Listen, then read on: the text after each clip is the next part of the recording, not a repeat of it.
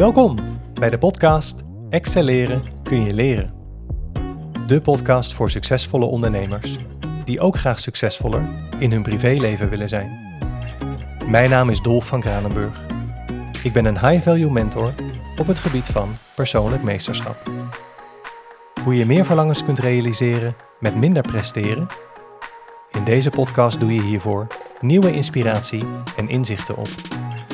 Zodat jij naast succes als ondernemer ook als vriend en partner verbinding en voorspoed zult gaan ervaren.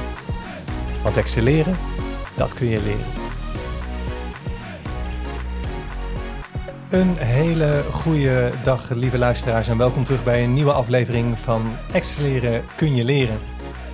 Tegen de tijd dat je deze aflevering beluistert, dan zijn we al eh, flink gevorderd in de serie, al zo'n aflevering of tien. Maar op het moment dat ik eh, deze podcast opneem voor jullie, is het de dag van de lancering. Donderdag 1 december, de dag dat de podcast Excelleren kun je leren live is gegaan. En wat een dag vandaag, wat een rollercoaster. Vanochtend om uh, 6 uur ging de nieuwsbrief eruit naar een paar duizend uh, abonnees met de aankondiging, hier is hij dan eindelijk, de podcast. En ik werd om uh, iets over zes werd wakker en ja, ik moest toch gewoon die telefoon even grijpen om gewoon even zeker te weten, zullen alle linkjes werken, want ja, ondanks dat ik alles goed heb voorbereid, hou ik van een klein beetje controle en even zeker weten dat alles gewoon op zijn plekje is gevallen. Maar alles werkte wonder boven wonder en uh, dankzij de techniek. En uh, ja, superleuk. De hele dag al uh, berichtjes van mensen. Wat tof dat je het gedaan hebt. En eindelijk is die live. En wat gaaf. Ik ga luisteren. En ik heb geluisterd. Superleuk. En um, nou ja, terwijl de mensen zich verdiepen in de eerste drie afleveringen, zit ik dus alweer uh, achter de microfoon om de volgende gastpodcast op te nemen voor jullie. En ik ben heel erg blij dat deze volgende gast er is. Na vanavond zal de druivenrank voor jullie ook niet meer hetzelfde zijn. Ingewijden kennen haar als mevrouw Wijnplant. Hier is ze dan de enige echte eigen. Marielle Dijkhuizen. Een goede avond. Welkom. En dankjewel. Goedenavond. Leuk dat je er bent. Ja, altijd toch? Hoe is het met je? Ja, met mij gaat het eigenlijk wel heel goed. Ja? Ja, bedrijf gaat goed, uh, privé gaat goed. Ja, ik heb weinig te klagen. Klinkt als een plan. Zou je jezelf eens willen voorstellen, Marielle? Wie ben je?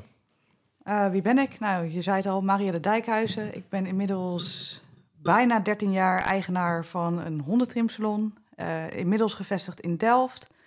Uh, trimsalon Chez Chess. ja, gestart in een schuur, inmiddels uitgebouwd tot een bedrijf met drie man personeel. Ja, uh, verder veel hobby's. Ik heb zelf natuurlijk een paar honden. Dat past wel bij mijn beroep natuurlijk. Uh, daarnaast ook fanatieke sporter. Ik heb uh, sinds een aantal maanden weer een paard erbij. Dus lekker bezig bijtje. En, ja, af en toe lekker boekje lezen of serie kijken. Hoort er ook allemaal bij. Dus dit is even heel kort wie ik ben. Super, ik hoor hele mooie dingen voorbij komen. En een aantal daarvan die gaan we zeker verder uitdiepen vanavond. Chez in Delft, hondentrimsalon. Je trimt ook katten, heb ik begrepen. Ja, heel af en toe, maar dat uh, ja, doen we zelden. Dus honden, katten. En af en toe knip en scheer je ook uh, klanten die veel te bij de hand zijn, heb ik me laten vertellen. Ja, zeker. Nou, we, gaan daar, we gaan daar straks eens even verder op in. Ik ben, ben heel benieuwd om, om jouw verhaal verder te horen. We gaan eerst even beginnen met een, met een rubriekje die vast terugkomt in de gastpodcasts. Een rubriek uh, mijn waarheid. En waar mijn waarheid over gaat, is dat uh, iedereen vanuit zijn eigen ik beleeft. En het lijkt me leuk om uh, de rubriek Mijn waarheid te doen. Mijn waarheid versus jouw waarheid. En jij mag zo meteen beginnen met jouw waarheid. Marielle, hoe kennen wij elkaar? Ja, dat gaat al heel lang terug. Ja, ik denk inmiddels bijna 27 jaar, misschien wel langer. Uh, we hebben elkaar ontmoet in een discotheek die inmiddels niet meer bestaat, Locomotion. Uh, laatste vrijdag van de maand. En als ik het me heel goed herinner, was het of DJ Paul of Charlie Mental Tio. Maar in ieder geval grote namen, uh, zeker in die tijd. Ja, het was, was gelijk goed. gekke dingen samen gedaan, heel veel dingen beleefd. Uh, soms elkaar even een beetje uit het oog verloren, maar we komen altijd weer bij elkaar terug. Uh, ja, wat, als ik het me goed herinner, was dit waar we elkaar uh, uiteindelijk hebben ontmoet. later bleek ook dat je, ja, we ook gezamenlijke kennissen hadden. Dus ja, helemaal leuk en dat al zo lang. Ja, wauw, dat is jouw waarheid. Ja. Dankjewel voor het delen. Ja, mijn uh, waarheid uh, is inderdaad, ik heb het uh, net nog even nagekeken. Het was vrijdag 28 april 1995 dat wij elkaar ontmoeten in, in discotheek Locomotion. Laatste vrijdag van de maand, dat betekent een avondje hardcore. En wij kennen elkaar via een oud klasgenoot van mij, John Vos, die bij mij op de basisschool gezeten heeft, woonde op dat moment bij mij in de straat. En ik ging veel met hem om. En hij had jou ontmoet in de Sprinter, in de, wat is het, uh, ja, de lokale treintje zeg maar, tussen Den Haag en, uh, en Zoetermeer. En uh, hij zei, ik ga jou vrijdag aan Marielle voorstellen. En wij kwamen die discotheek binnen en ik zal het nooit vergeten. We liepen naar de dansvloer. Um, op de dansvloer, daar had je een soort verhoging en twee van die plateaus. En op een van die twee plateaus stond jij te dansen. En als ik zo de beweging maak vanaf de dansvloer, ik zag dansvloer, ik zag Nike Air Max, ik zag slopkousen, ik zag benen, benen, benen, benen, benen, benen, gehuld in net panties. Tot aan een spijkerbroek die niet korter afgeknipt kon worden, met scheuren erin. Vervolgens een wit topje en Marielle met lange blonde haren in een paardenstaart. Dat was mijn allereerste indruk van deze dame tegenover mij, Marielle Dijkhuizen. En uh, nou ja, wij hebben inderdaad kennis gemaakt. Het was meteen goed. We hebben een superleuke avond gehad. En eigenlijk uh, zijn wij uh, ja, vanaf dat moment hebben wij ook uh, regelmatig afgesproken. En uh, ja, ik denk dat jij inmiddels een van mijn uh, oudste vrienden bent. We hebben van alles met elkaar meegemaakt. We hebben elkaar leren kennen als twee extreme ruwe diamanten. Um, nou, we zijn intussen een klein beetje bijgeslepen. Mede ook door um, de dingen die we, die we samen hebben meegemaakt, de dingen die we apart van, van elkaar hebben meegemaakt. We zijn elkaar ook wel eens voor bepaalde tijden uit het oog verloren. Maar het grappige is inderdaad, we vinden elkaar altijd weer en uh, eigenlijk altijd, uh, altijd is het goed. En um, een van de kwaliteiten die ik heel erg in jou uh, waardeer, um, zeker toen ik jou leerde kennen, is jouw vermogen om contact met andere mensen te leggen. En wat ik zo bijzonder vond, is dat um, iedereen kent Marielle en Marielle kent iedereen. Dus het feit dat wij ook gezamenlijke kennissen bleken te hebben, ja, was niet zo gek, want jij kende iedereen in Zoetermeer en iedereen kende jou. Ja, dat was zeker in die tijd uh, wel een beetje zo. Inmiddels een beetje rustiger geworden, wat je al zei. Uh, ja. Ik denk ook, uh, ja, we waren inderdaad ruwe diamanten. inmiddels geleerd om elkaar misschien ook wat meer in elkaars waarde te laten. toen waren we allebei een beetje, nou ja, een beetje, gewoon stront eigenwijs. gebrand, denk ik, om erg ons eigen ding te doen. Dat botste wel eens. ik denk dat er inmiddels uh, hoe ouder je wordt, hoe meer ruimte er komt in je hoofd voor uh, ander uh, andere personen hun, hun inzichten en karaktertrekken. En ik denk dat we gewoon ja, meer gepolijst zijn inmiddels en dat er meer ruimte is voor een ieders kant. Ja. Ja, het grappige is, is dat we hebben inderdaad wel eens botsingen gehad in het verleden. En um, ik ben behoorlijk koppig en niet echt van het toegeven. Zeker in die tijd. Um, maar ja, wat dat betreft heb jij me daarin toch ook wel eens een aantal keer overtroffen. En dat ook in het, het, kader van het behoud van onze vriendschap. Dat ik dacht van als ik nu, als ik nu niet de eerste stap zet en mijn excuses aanbied, dan gaat het nooit meer goed komen. Want Marielle gaat het zeker niet doen. Ik denk dat je dat heel goed hebt, hebt ingeschat. Ben je inmiddels al een beetje afgekoeld, of niet? Een klein beetje. Ja, oh echt, good old memories. Uh. Good old memories, daar, kunnen we nog een boek over schrijven. Daar kunnen we ook hele mooie verhalen over vertellen. We, daar gaan er ook zeker gewoon even een aantal uh, opdiepen um, vanavond. Ja, het is natuurlijk een beetje tricky om uh, een van je oudste vrienden in je podcast uit te nodigen. Want ik weet niet wat ze op tafel gaat leggen. Ik ben op alles voorbereid en misschien word ik ineens heel erg voor het blok gezet vanavond. Maar ik laat komen zoals het komt.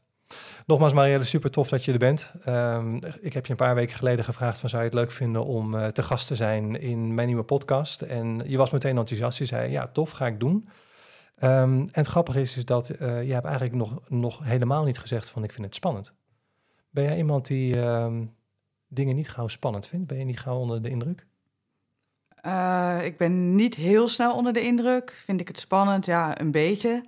Uh, maar ik denk, uh, nou ja, wat je net al zei, hè, Marielle, uh, iedereen kent Marielle, Marielle kent iedereen. Je legt makkelijk contact. Voor mij zijn dit soort dingen niet heel spannend. Ik heb niet zoveel te verbergen. Ik vind het ook leuk om kennis over te brengen aan mensen, om mijn ervaringen met mensen te delen. Ja, en dan is dit denk ik een hele mooie manier. Ja. Dus vandaar dat ik meteen zei, ja, tof. Superleuk. Gaan we doen. Ja, ja je zei inderdaad alleen maar, ja, superleuk en uh, ik laat me verrassen en, en, en kom erop. Ja, en dan uh, zien we vanzelf al waar het schip strandt. En uh, ik, uh, nou ja, laat me verrassen vanavond. Ik ben heel benieuwd wat je op tafel legt. Ja. En wat je in me naar boven weet, weet te halen. Want alleen al jouw waarheid bevat alweer veel meer informatie als wat ik me nog herinner. Maar als je het zegt, denk ik, oh ja, tuurlijk, absoluut. Ja, ja superleuk hoe we zo onze eigen um, belevingen hebben gehad van hetzelfde moment. En wat jij daarvan onthouden hebt en wat ik daarvan onthouden heb. Um, ja, het is zo eigen, zeg maar. Ja, de waarheid bestaat niet. Ik heb het al eens eerder gezegd in, uh, in deze podcast. Er is eigenlijk alleen jouw waarheid. Waarin uh, het goed is als het goed is. En op het moment als het niet goed is, dan kan een ander kan daar wat van vinden. Maar het is hoe jij het beleeft. En op het moment als jij het een probleem vindt, dan is het voor jou een probleem. En op het moment als het voor jou goed is, is het voor jou goed. Ja. Dit is jouw waarheid. En uh, daar kan ik van alles van vinden, maar dat is dan minder belangrijk. Nou ja, absoluut. En ik denk ook dat we daar dus heel erg in zijn gegroeid uh, inmiddels. Ja, ik heb je uitgenodigd omdat je, vind ik, een mooi verhaal hebt te vertellen over je bedrijf. Je bent al een aantal jaar succesvol uh, ondernemer. Um, vertel eens aan onze luisteraars, ben je, ben je altijd ondernemer geweest? Nee, ik ben uh, eigenlijk begonnen als docent op een middelbare school. Uh, eigenlijk nooit de intentie gehad om iets voor mezelf te gaan doen. Uh, ik kom ook niet uit een familie waarin veel ondernemers zitten. ja, gewoon iedereen werkte voor een baas en deed gewoon zijn dingetje. En nou ja, ik kwam er gauw achter dat het onderwijs niet mijn ding is. Tenminste, niet het, het lesgeven aan zich, maar vooral alle romslomp daarom trend. Wat voor, uh, wat voor lessen gaf je? Uh, ik gaf uh, biologie en ik ben daar verzorging bij gaan doen. Maar officieel ben ik alleen docent biologie. Ja. daar heb ik de opleiding voor gedaan, maar verzorging werd er dan vaak een beetje bijgepakt. Ja. van daaruit nou ja, komen we weer terug op het feesten en op de housemuziek. Ben ik er via via erin gerold en ben ik bij een boekingsbureau voor artiesten in de hardere uh, stijle housemuziek beland. Uh -huh. uh, dat ging helaas, toen ik daar iets meer dan een jaar werkte, failliet. Hele nare periode. Uh, ja, heel vervelend allemaal. Wat ga je dan doen? Nou, toen konden we bij een ander bedrijf een doorstart maken. Dus toch weer verder met artiesten.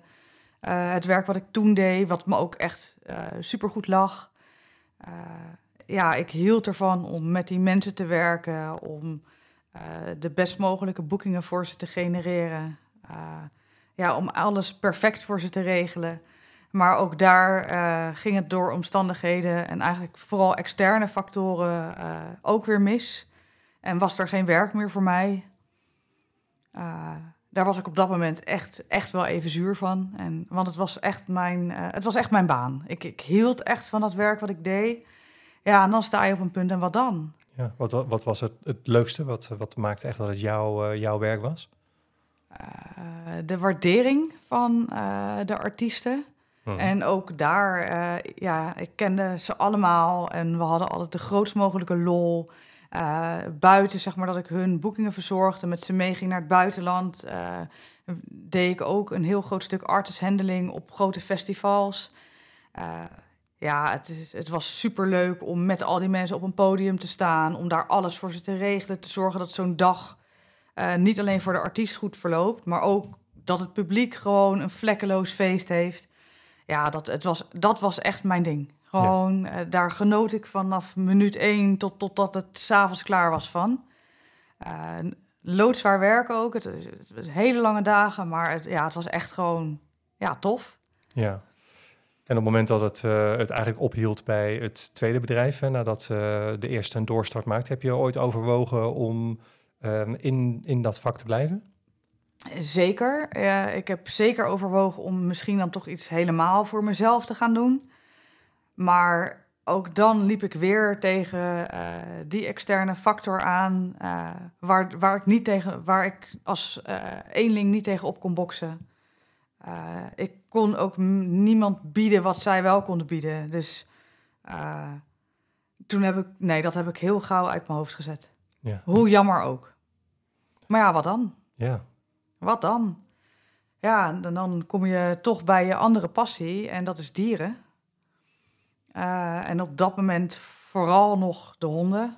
Uh, Want teruggaan in het onderwijs was geen optie voor je?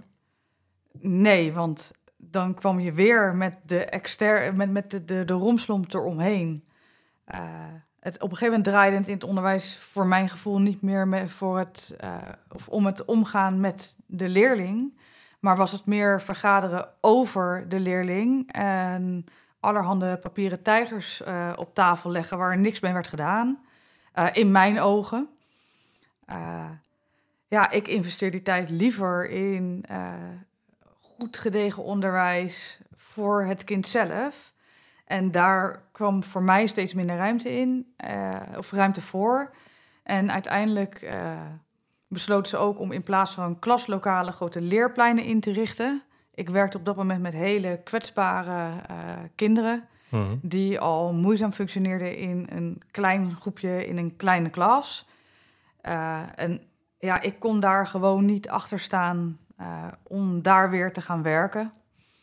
Uh, en ja, dat was gewoon de nieuwe onderwijsvernieuwing en heel veel scholen gingen zo werken. Dus nee, voor mij was dat geen optie meer.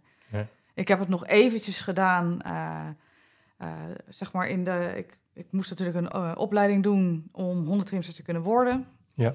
Ik had natuurlijk geen werk meer, want het bedrijf had geen werk meer voor mij. ik moest even iets, want ja, ja je moet toch ergens je geld mee verdienen. En het UWV gaat niet, is, is geen bodemloze put. Mm-hmm. Maar ik wist heel snel, dit ga ik niet nog tien jaar doen. En ik hoor opleiding hondentrimster. Je bent toen die kant opgegaan als in ik ga hondentrimster worden. Ja. Ook al met het idee van ik ga mijn eigen bedrijf starten? Ja, meteen. Dat was wel vanaf dag één, dan wil ik ook wel iets voor mezelf. Ja. ja, in het begin eigenlijk met niet zo heel veel ambitie. Ik vond het schuurtje achter het huis prima. Ik kon daar een prima boterham verdienen. En het was allemaal goed zo. Ja, want je bent begonnen in de schuur achter je huis. Ja, in de schuur achter mijn huis, zeven vierkante meter. En daar stond ik de hele dag uh, te werken in mijn eentje. Uh, ja, totdat... Uh, Hoe lang heb je dat gedaan? Dat heb ik vijf en een half jaar zo volgehouden. Ja. wel af en toe is een beetje ja, verlangend gekeken naar een iets grotere ruimte. Maar ja, kostte ook weer een hoop geld. Uh, maar goed, op een gegeven moment ging de relatie over. mocht ik gelukkig, omdat we op goede voet uit elkaar zijn gegaan, de schuur nog wel een tijdje gebruiken. Maar is natuurlijk geen situatie die je nog twintig jaar gaat voortzetten. En inmiddels werden ook mijn ambities wel een beetje groter. Mhm.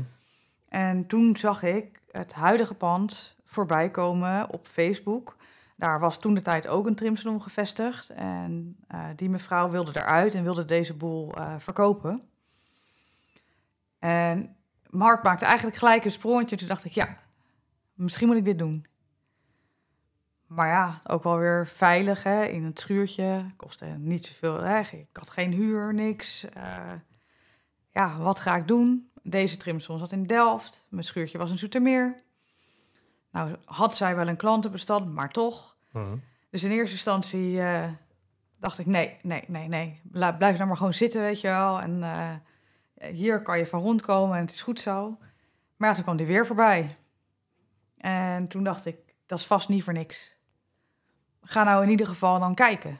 Hè? Dat kost je niks. En uiteindelijk ben ik er gaan kijken en uh, ja, wist ik, dit moet ik gewoon doen. Mm uh, zij vertelde me, ja, je hebt in de winter ja, drie dagen werk, in de zomer misschien vier.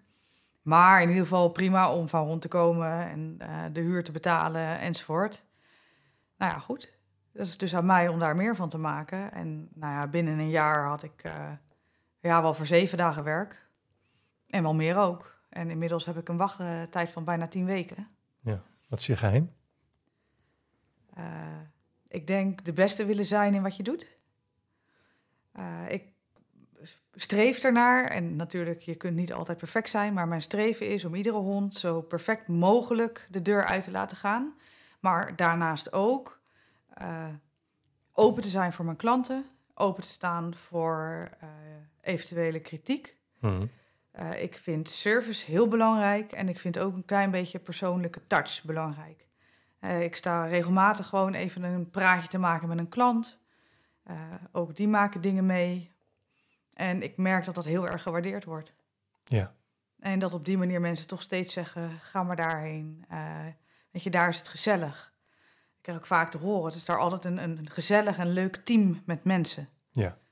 Ja, en dat vind ik belangrijk. En het zijn toch mensen hun uh, kindertjes die ze bijna wegbrengen. Uh, klinkt misschien overdreven, maar ik denk dat sommige mensen liever hun kind naar de crash brengen dan de hond naar de trimmer. En ja, ik zou het heel fijn vinden als ik dan zo word behandeld. Ja.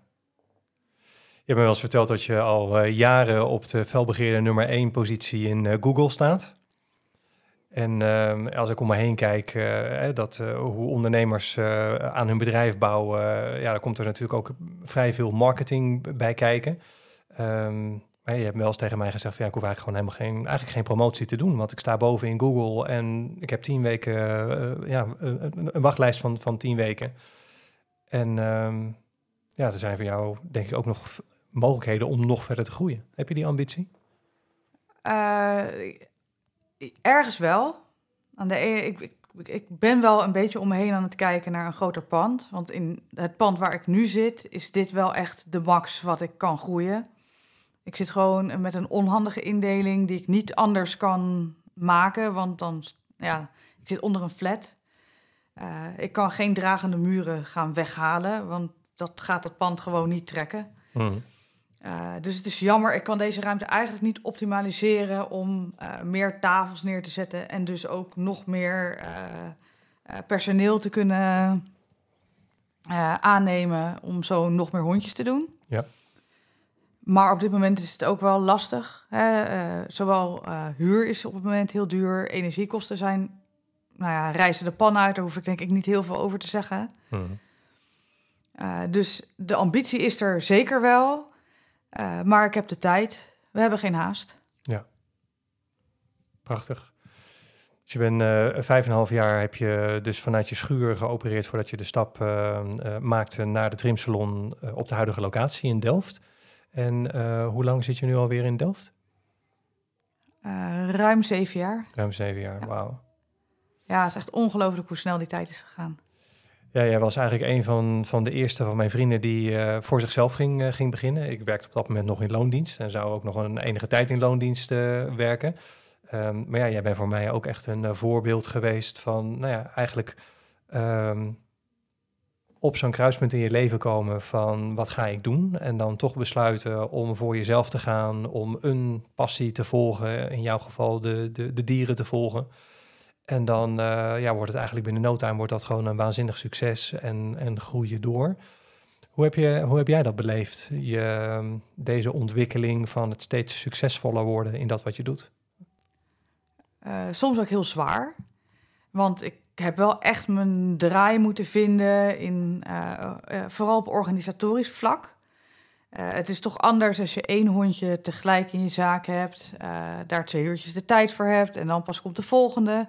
Nu werk ik uh, veel met overlap. Je weet nooit helemaal wat je binnenkrijgt.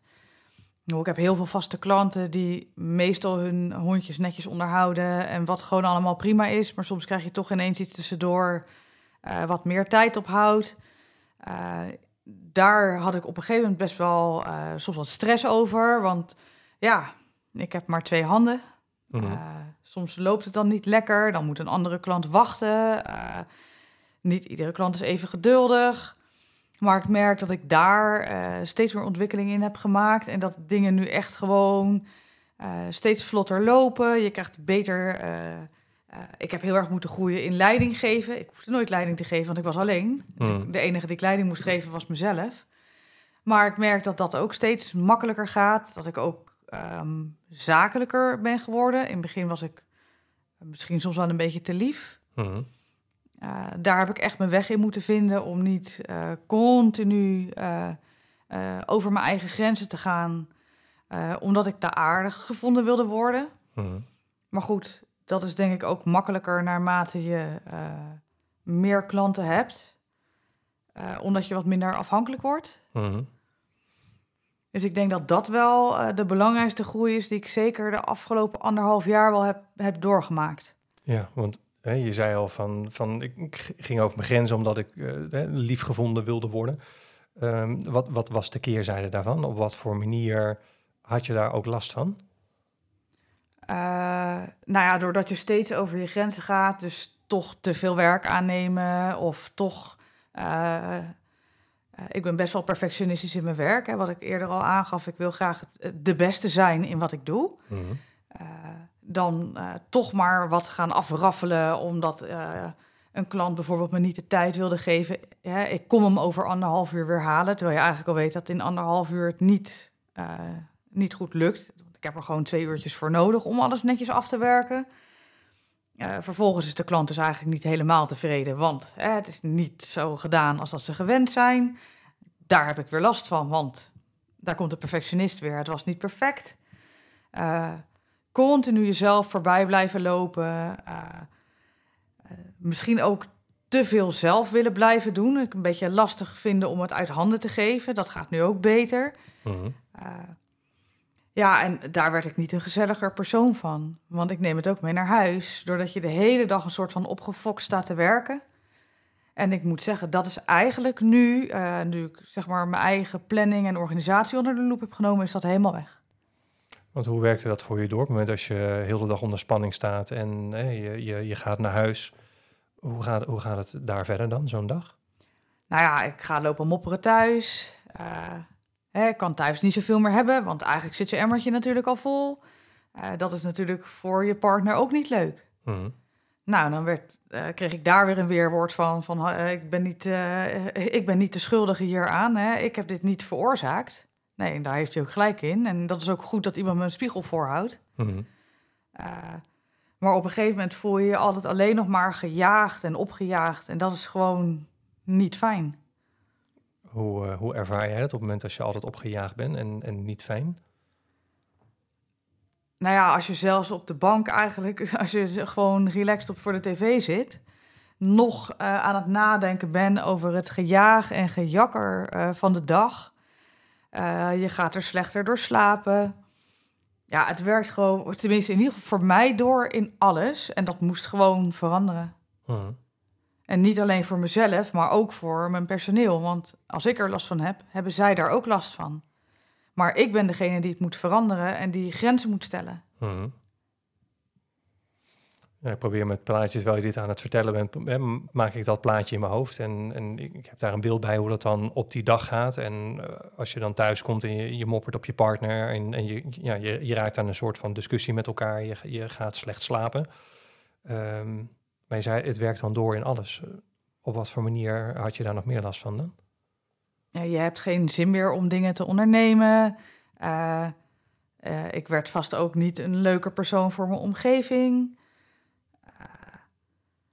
Ja, op een gegeven moment, alles wordt een beetje negatief. Terwijl ik ben eigenlijk helemaal geen negatief persoon.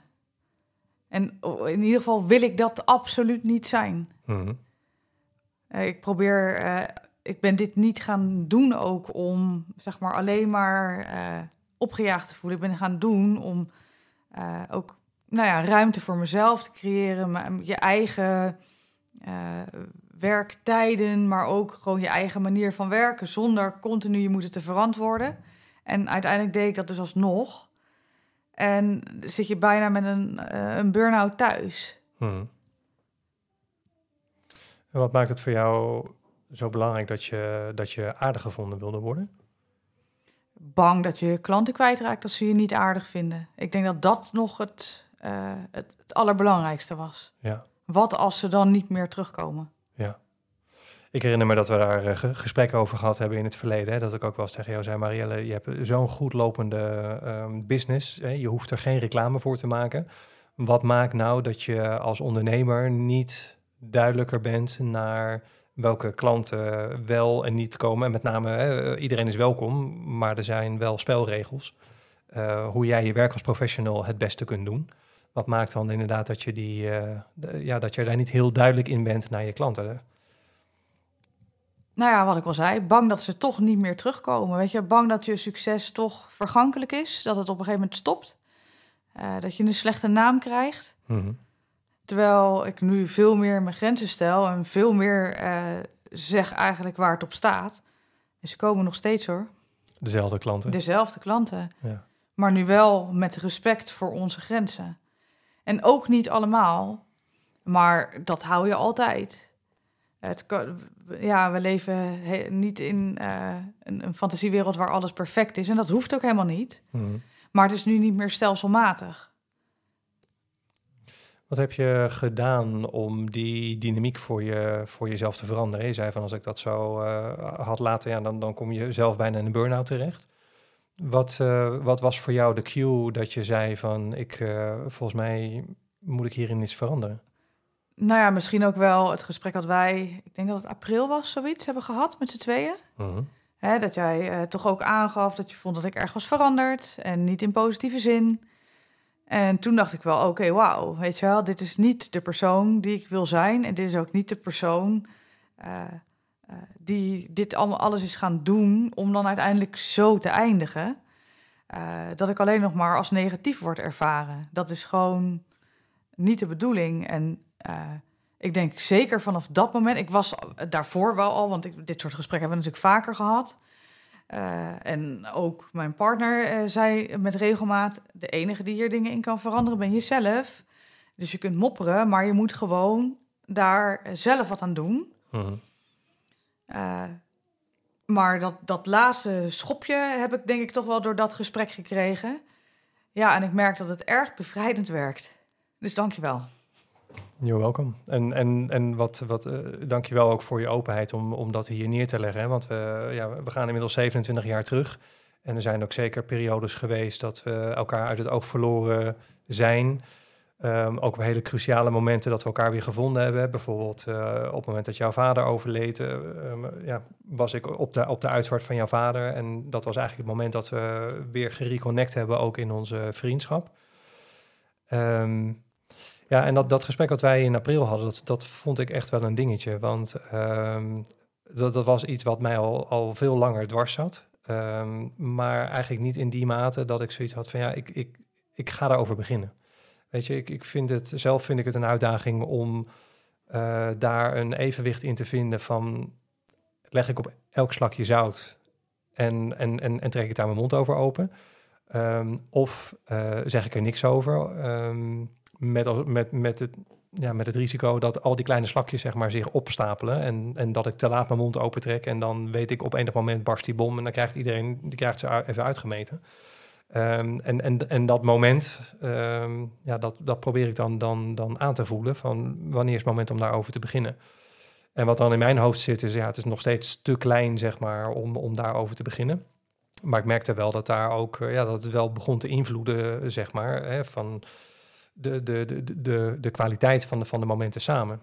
Um, en in die zin heeft het mij ook bezig gehouden, omdat ik zag dat jij heel erg bent veranderd uh, in, in, in nou, laten we even zeggen, de afgelopen tien jaar waarin je je eigen zaak hebt gehad. Uh, mijn zaak bestaat volgend jaar ook tien jaar, daarin ben ik ook heel erg veranderd. Dat ik ook de optie wel open hield van, weet je, zijn wij gewoon niet uit elkaar aan het groeien. En dat, dat kan natuurlijk ook gewoon. En ik merkte wel dat ik in mijn hoofd al op het punt was. Ik dacht van nou, stel dat dat de uitkomst zou zijn. Dan zou ik daar vrede mee kunnen hebben. Want we gaan al heel lang samen. Maar ja, je kunt nog steeds uh, uit elkaar groeien.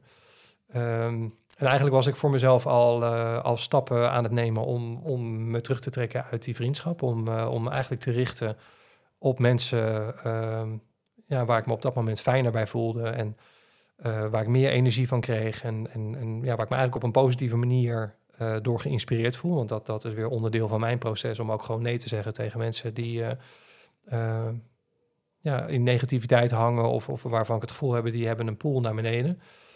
en tegelijkertijd ook de struggle van, ja, je gooit ook niet zomaar even 27 jaar vriendschap weg. Dat, dat, ja, dat, dat vind ik wel een ding, want ik, ik, ik, ja, ik hecht ook waarde aan nostalgie en ik, ik hecht ook waarde aan, aan iets duurzaam opbouwen. Um, en uiteindelijk ben ik heel blij dat ik dat gesprek met jou aangegaan ben. Dat ik toch heb gezegd van, joh Marielle, er moet me iets van het hart. En um, ook ons verleden kennende. eh, waar ik in het verleden heb gezien van ja, nou, je stond niet echt altijd open voor feedback. Dat ik ook dacht van ja, heeft het zin om, om dat daar neer te leggen? Gaat dat ergens toe leiden? Of ga ik gewoon voor de, voor de weg van de minste weerstand? En trek ik me terug en, en accepteer ik dat, dat dit is wat het is.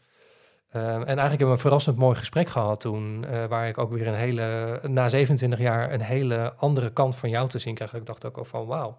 Dus dat zit er ook nog in. En, en hoe tof is dat om na 27 jaar vriendschap weer nieuwe dingen van elkaar uh, te zien op een positieve manier.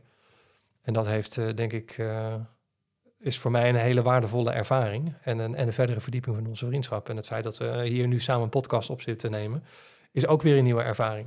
Wie had dat gedacht? Ja, ik in ieder geval niet. Maar ja, zo zie je maar. Uh, nou ja, onze paden kruisen elkaar steeds. En ja, ik, ik, ik denk dat wij gewoon toch een soort van als vrienden bij elkaar horen. En ik ben heel blij dat je het hebt aangekaart. En ik vond het ook echt oprecht heel naar om te horen dat het zo werd ervaren. Want ja, dat idee had ik zelf dus helemaal niet. Mm -hmm. Dus ik ben blij dat iemand mijn ogen heeft geopend. En dat het me dus ook uh, uiteindelijk dit heeft gebracht. Uh, en ik nu op een veel relaxtere manier uh, mijn werk sta te doen. En dus in alles, ja, gewoon weer de, de mooie dingen zie, weet je wel. Het is uh, heel apart dat je op een gegeven moment ook zelf niet meer ziet ja, hoe je zelf de dingen beleeft. Hmm. Je wordt denk ik gewoon een beetje blind voor je eigen dingetjes. Ja. We hebben het daar ook wel vaak over gehad. Hè? Van, van, bij voorkeur heb je je bedrijf. Kijk, natuurlijk moet je in je brood voorzien. Maar bij voorkeur uh, ja, doe je iets met passie. En, en, Ja. en, en is je bedrijf is je, is je passie. En, en dat zie ik. Dat hè, de, de, de honden en, en, en de dieren in het algemeen uh, is jouw passie. Uh, dus hoe kan het dan dat, jou, dat, dat dat dan op een gegeven moment zo'n drain wordt? Um, wat zijn weerslag niet alleen op je bedrijf heeft, maar ook op je privéleven, op jezelf en, en eigenlijk op je vrienden en, en alles om je heen. Um, daar hebben we het ook wel eens over gehad. En ja, ergens probeerde ik dan ook wel zaadjes te planten of, of speldenprikjes te geven zonder jou mijn mening op te willen leggen van hey, hey, je moet veranderen. Want nogmaals, in, in mijn waarheid is het een probleem, maar in jouw waarheid hoeft het geen probleem te zijn. En kan het ook heel goed mijn probleem zijn en, en niet jouw probleem. Um, maar ik was heel uh, verrast en ook heel dankbaar dat je eigenlijk uh, op dat moment uh, ja, toch ook bereid was om het te ontvangen en daar een tijdje over nagedacht hebt en daar zelf nog eens een keer op teruggekomen bent van ja, volgens mij wil ik wel dingen gaan veranderen. Wat ben je toen vervolgens gaan doen? Wat heb je, wat heb je anders gedaan dan wat je tot, tot, tot dan toe deed? Nou, ik denk dat het voor mij vooral een overwinning is dat ik nu wat uh, directer dingen durf te benoemen. Dus als dingen mij dwars zitten, uh, wat er bijvoorbeeld gebeurt, uh, dan durf ik dat nu gewoon uiteraard op een nette manier te melden. ik probeer ook dingen makkelijker van me af te laten glijden, want soms zijn dingen gewoon zoals ze zijn. En daar kon ik dan me vroeger vreselijk druk over maken, soms wel dagenlang. Weet je, en nu, uh, ik ventileer het even, we lachen erom met z'n allen en let it be. Weet ja. je, in iedere, iedere branche heb je dingen die zijn niet leuk. Uh, en gelukkig zijn er nog steeds meer dingen die zijn wel leuk. Uh, en daar focus ik me nu gewoon meer op. En de niet leuke dingen, ja, dat zijn de niet leuke dingen. En als het gewoon echt niet, niet leuk meer is, dan neem ik gewoon afscheid. En dat is heel moeilijk. Maar dat is denk ik wel de enige juiste weg om in ieder geval mezelf te beschermen tegen allerhande negativiteit die steeds ook weer terugkeert. Maar dat was voor mij wel een van de moeilijkste dingen om, uh, om te doen. Hmm. Uh, daarnaast heb ik nu ook uh, voor een aantal hondenrassen en formaten honden een klantenstop inge, ingelast. We hebben het zo vreselijk druk dat ik het er ook gewoon oprecht niet meer tussen krijg. Ja. Maar het geeft wel gewoon een hoop rust om gewoon de dingen die ik echt niet, niet zo graag doe. Uh, niet eens per definitie echt niet leuk vind, maar gewoon minder graag doe. Dat, dat, dat ik daar nu de ruimte voor heb om het ook gewoon niet meer te doen. Of niet meer zoveel te doen. Ja. Dus je hebt wat organisatorische aanpassingen ook gedaan in je bedrijf. Ja. Je vertelde aan het begin van het gesprek, ik heb inmiddels ook een aantal mensen in dienst. Hebben die daar ook nog iets um, in voor jou betekent in, in deze transformatie? Nou, ik denk doordat ik misschien beter ben gaan leiding geven in plaats van eh, zelf ook als een soort. Uh, ik ben nog steeds natuurlijk ook gewoon een personeelslid en we doen gewoon allemaal hetzelfde werk. Maar ik geef wel meer sturing van, joh, als jij nou dit doet, dan pak ik dat. Dan doe jij zus. Dan is de volgende, wat gebeurt, wordt dat. En door die structuur merk ik dat iedereen beter zijn werk kan doen. Hè, want niemand fladdert meer door elkaar heen. En uh, ja, ik, het is gewoon een leerproces voor mij geweest. Hoe kan ik het beste leiding geven? Uh, en daardoor lopen alle processen ook gewoon beter. Ja, waardoor iedereen productiever wordt. Uh, we uiteindelijk vaak veel eerder klaar zijn. Het loopt nooit meer zo heel erg uit. Dus ja, ook het personeel is blijer, want hè, lekker op tijd naar huis, meer ontspanning. Ja, daar wordt natuurlijk iedereen beter van. Ja. Ja, dat is natuurlijk ook een van de elementen die in zo'n groeiend bedrijf op een gegeven moment om de hoek komt kijken. Van blijf ik het alleen doen of uh, ja, ga ik inderdaad mensen daarvoor aannemen? En zo ja, hè, neem ik ze in loondienst. En ik herinner me nog het moment dat jij zei, ik ga nu de eerste uh, medewerker aannemen. Maar ja, dan worden er weer ook weer hele andere vaardigheden van je gevraagd. Dan, dan leveren op de inhoud, waar je goed in bent. Uh, maar het is wel een kant van het ondernemerschap. Wat er, wat er even bij komt en, en wat je dan ook moet gaan ontdekken. Uh, ja, dat, dat, ja, je noemt het zelf al een leerproces, maar dat kan natuurlijk ook weer nieuwe, nieuwe stress met zich meebrengen. Nou, en dat had het ook absoluut zeker wel, want het is gewoon heel spannend om ineens uh, verantwoordelijk te zijn uh, voor iemand anders zijn brood. Ja. Hè, want wat nou als ik dan toch niet genoeg werk heb? Want ondanks dat er genoeg werk was, is het toch wel iets waar, je, uh, waar ik me bezorgd over maak. Want ik voel wel, ja, nogmaals, me verantwoordelijk voor degenen die voor mij werken, dat uh, zij wel gewoon aan het einde van de maand uh, hun rekeningen kunnen betalen. En zijn dat alleen mindfucks of speelt er ook nog iets anders mee? Nee, dat zijn alleen mindfucks. Want er is geen enkele reden waarom, dat zo, waarom ik niet zeg maar, aan het einde van de maand uh, gewoon netjes alles kan afhandelen als het hoort als baas zijnde. Maar toch een stukje onzekerheid, denk ik. Uh, angst om te falen. Verantwoordelijkheidsgevoel hoor ik. Precies. Uh, ik voel me verantwoordelijk voor al mijn mensen. Ik, daar komt misschien ook weer het stukje mensenmens Marielle kijken. Hmm. dat ik het niet alleen maar uh, zakelijk zie, maar je ziet die mensen toch dagelijks. Hè? Je bouwt toch ook een persoonlijke relatie met die mensen op. Uh, dat maakt toch uh, dat ik me misschien meer betrokken voel dan als ik leidinggevende was bij een heel groot bedrijf. Hè? Ik, ik heb nu drie man in dienst. nou, per 1 december zijn er drie man, nu nog twee. Hmm ja, ik voel me ook gewoon betrokken bij die mensen. En dan komt toch soms privé een tikje verweven met het zakelijke. Ja, het is denk ik gewoon de persoon die ik ben, maar nergens voor nodig. Hoe lang heeft dat proces geduurd om je daar, om je, dat je denken zich daar ook comfortabel in voelt?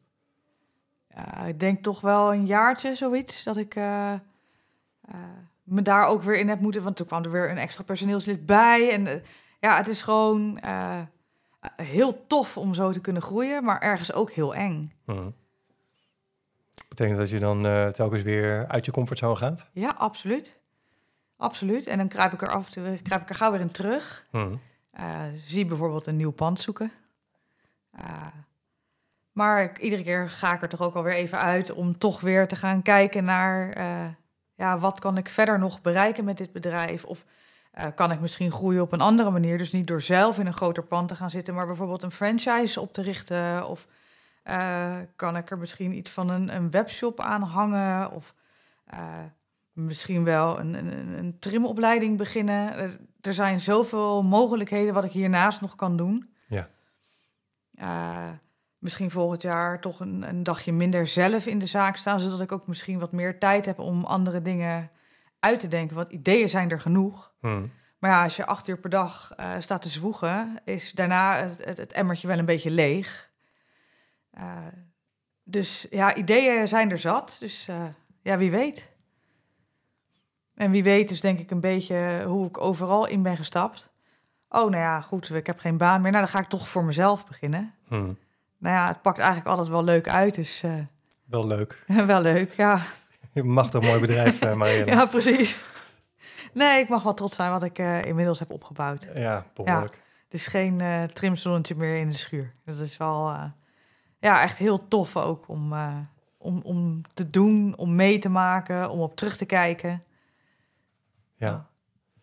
En, en nee, je vertelde al, de, de, je bent meer grenzen gaan stellen, je bent duidelijker geworden naar je klanten toe, je hebt dingen anders georganiseerd. Doe je in je, in je vrije tijd nog andere dingen eh, om ja, eigenlijk een gezonder evenwicht tussen werk en privé te realiseren? Ja, ik heb ook gewoon eh, besloten om bijvoorbeeld in het weekend geen e-mails meer te beantwoorden. Uh, ik heb mijn zakelijke mobiel gewoon permanent doorgeschakeld staan naar de zaak. Dus in het weekend ben ik niet bereikbaar. Uh, heb ik ook gewoon echt weekend. nou ja, sinds enkele maanden, zei ik net al helemaal in het begin, is er een paard bijgekomen. Wat mij heel erg dwingt. Dat klinkt negatief, maar zo bedoel ik het niet om mijn ontspanning te zoeken. Ik moet lekker voor het beestje zorgen. Ik ga lekker op hem rijden of andere leuke dingen met hem doen. En op het moment dat ik daar ben, heb ik gewoon absoluut geen tijd om nog te denken aan welk hondje uh, zijn kapsel dan ook. Hmm. en ik merk dat dat me gewoon na al die jaren, want ik ging nooit meer paardrijden, toch weer heel veel voldoening, voldoening geeft en heel veel ontspanning brengt. Was je bedrijf ook de reden dat je zo lang geen paard gereden hebt? Nee, dat was omdat ik... Uh, uh, een, ik had een paard en dat klikte gewoon niet zo goed. Daar ben ik toen heel hard afgevallen. Uh, uiteindelijk gewoon bang geworden. Hmm. paard verkocht. Toen kreeg ik dus een baan bij een boekingskantoor. Daar, dat was echt niet meer te combineren. Toen leefde je s'nachts ook veel? Precies, ik leefde s'nachts. Ik had helemaal geen energie om nog overdag dan ook nog uren te spenderen op een stal. Ja, ik heb het eigenlijk ja, een soort van afgezworen. En dan krijg je steeds meer mensen om je heen die of paard rijden of een eigen paard hebben. En dan hoor je steeds weer al die leuke verhalen. En toen dacht ik, waarom wil ik dit niet meer? Hmm. Want waarom heb ik daar al die jaren wel mijn ontspanning in kunnen vinden? En lukt me dat ineens, waar, waarom zou ik het ineens niet meer leuk vinden? Nou, en toen kwam dit paard op mijn pad en uh, het moest gewoon zo zijn. En had je toen nog last van, van vrees? Hè? Zei ik, ik ben van paard gevallen en toen werd ik bang. Uh, speelde dat nog mee? Oh, zeker wel. Ja, ja toen ik in het begin uh, uh, net weer begon, ieder gek bewegingje die hij maakte, zat ik bijna verstijfd van angst bovenop hem. Hmm.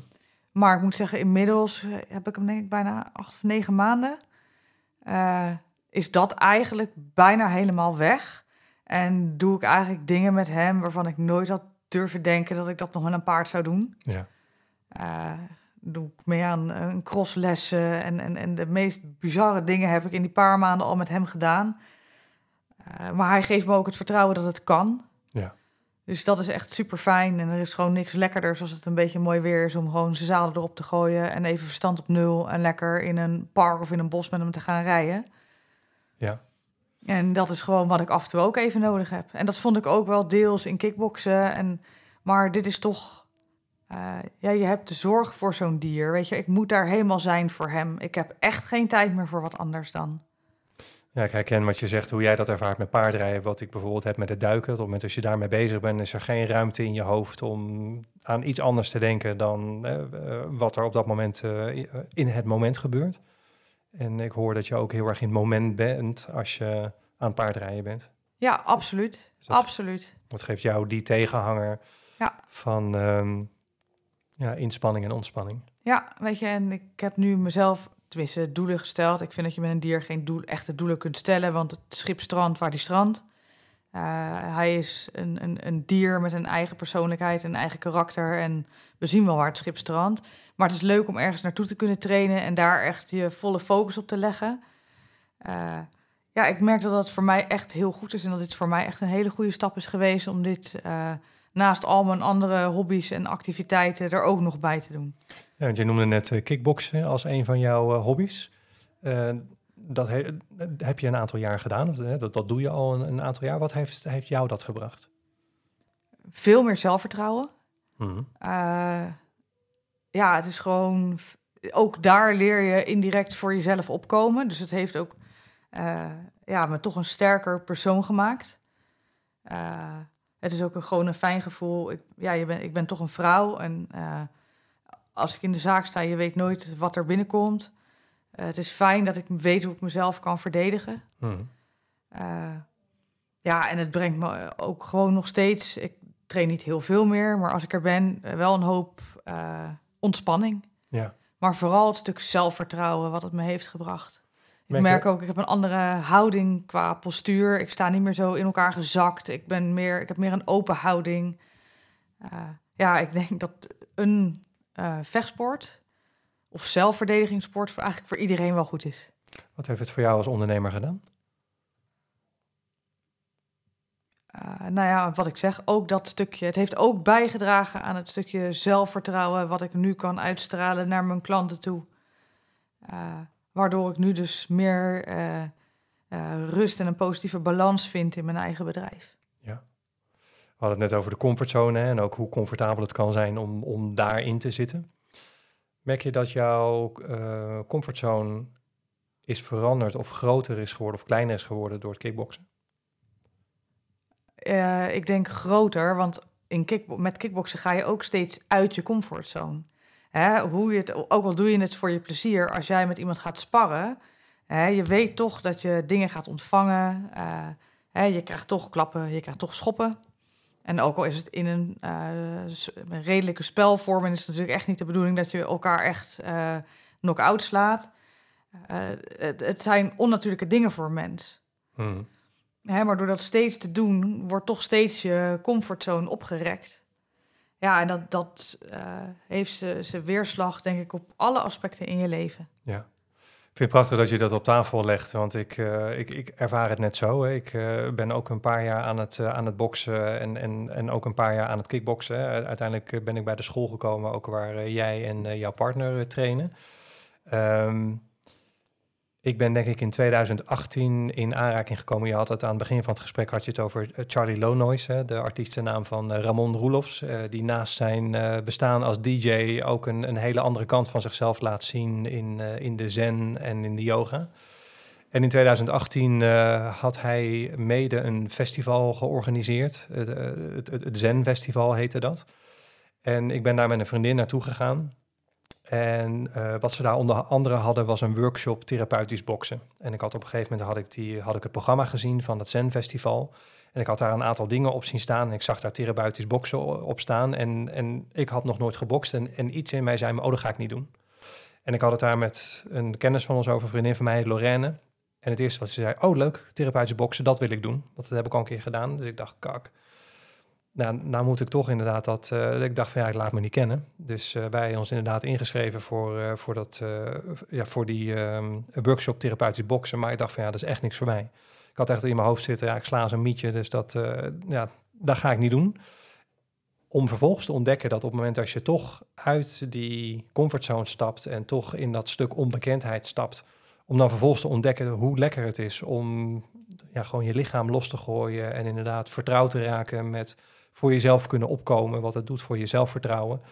Die comfortzone die steeds groter wordt...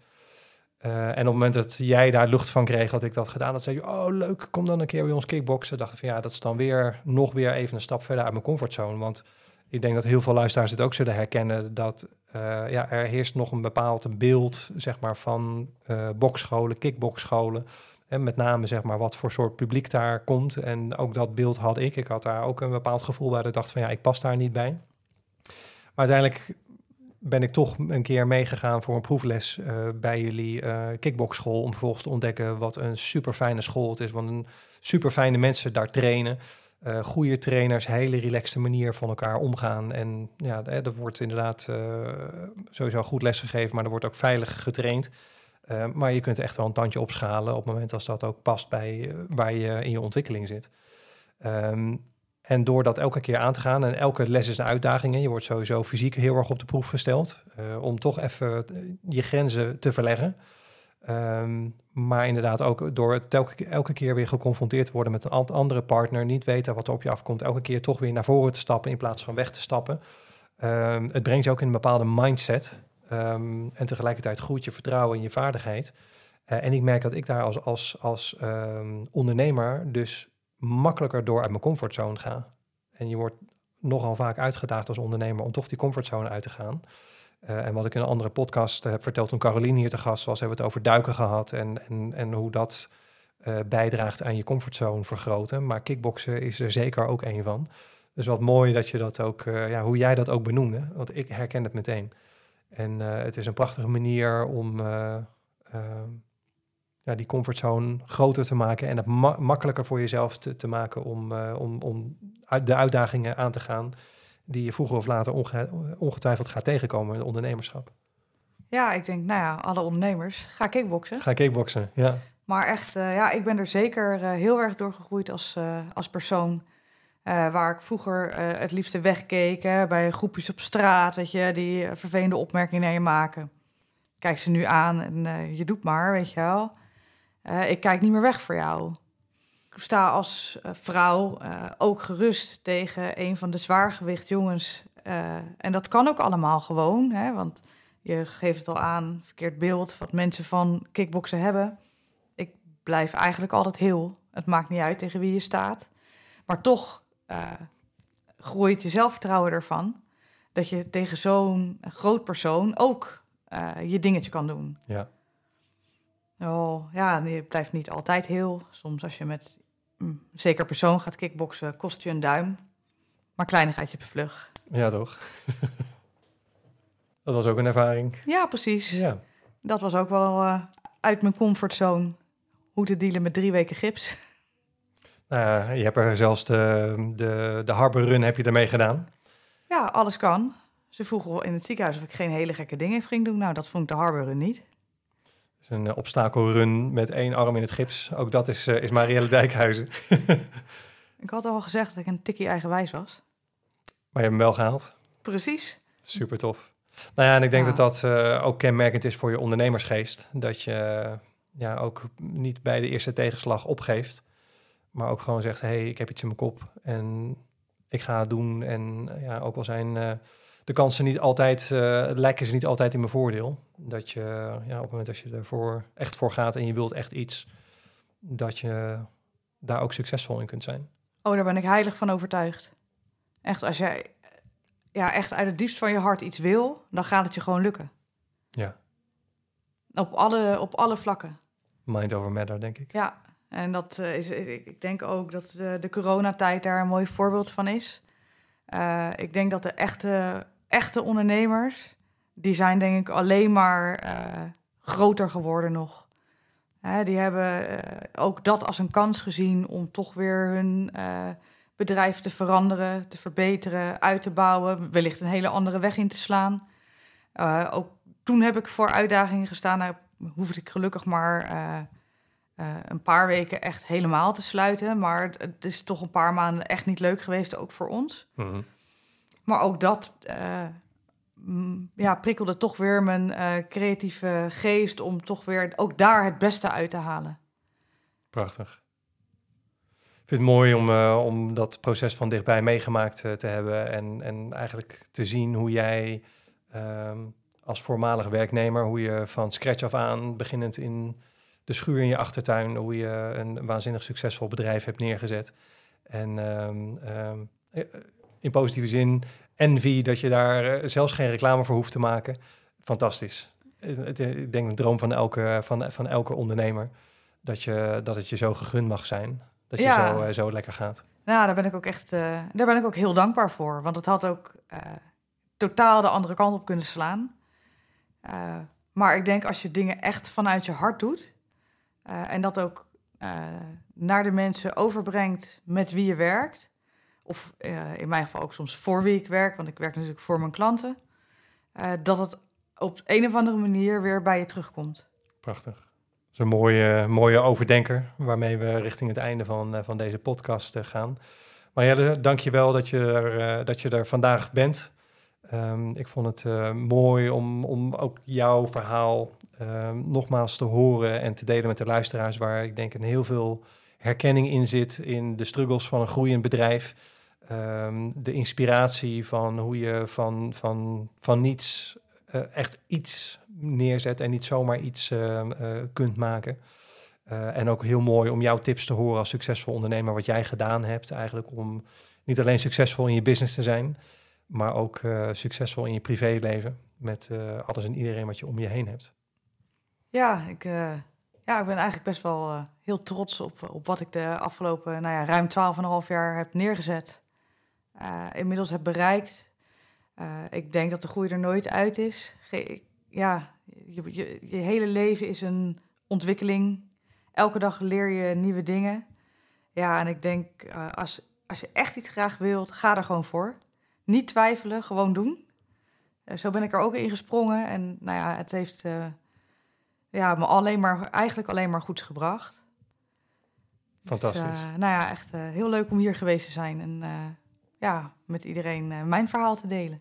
Waar kunnen de luisteraars jou vinden? Ben je, heb je een website, social media? Eh, ik eh, heb een Facebook en een Instagram van de, van de zaak. Nou, en eventueel ook een website www.chess.nl. Eh, ja, daar staan contactgegevens op. Dus als mensen me ja, nodig hebben, ik sta voor iedereen open. Dus, Dus je daar vinden? Ja, Trimsalon Chess in Delft, Marielle Dijkhuizen. Dankjewel dat je er was. ja, graag gedaan. Zullen we een wijntje inschenken? Eh, tuurlijk. Oké, there we go. Dankjewel. Dit was hem weer. Voor nu. Dankjewel voor je tijd en aandacht bij het luisteren. Als deze podcast waardevol voor je was, laat dan even een review achter. Je zou me een groot plezier doen door deze aflevering te delen met de mensen in jouw netwerk voor wie jij denkt dat dit ook meerwaarde heeft. Heb je nog vragen over wat je zojuist gehoord hebt? Of een suggestie voor onderwerpen waarover jij graag meer zou willen horen in een volgende aflevering? Stuur me dan een berichtje op LinkedIn, Instagram of Facebook. Abonneer je ook even op deze podcast als je dat nog niet had gedaan.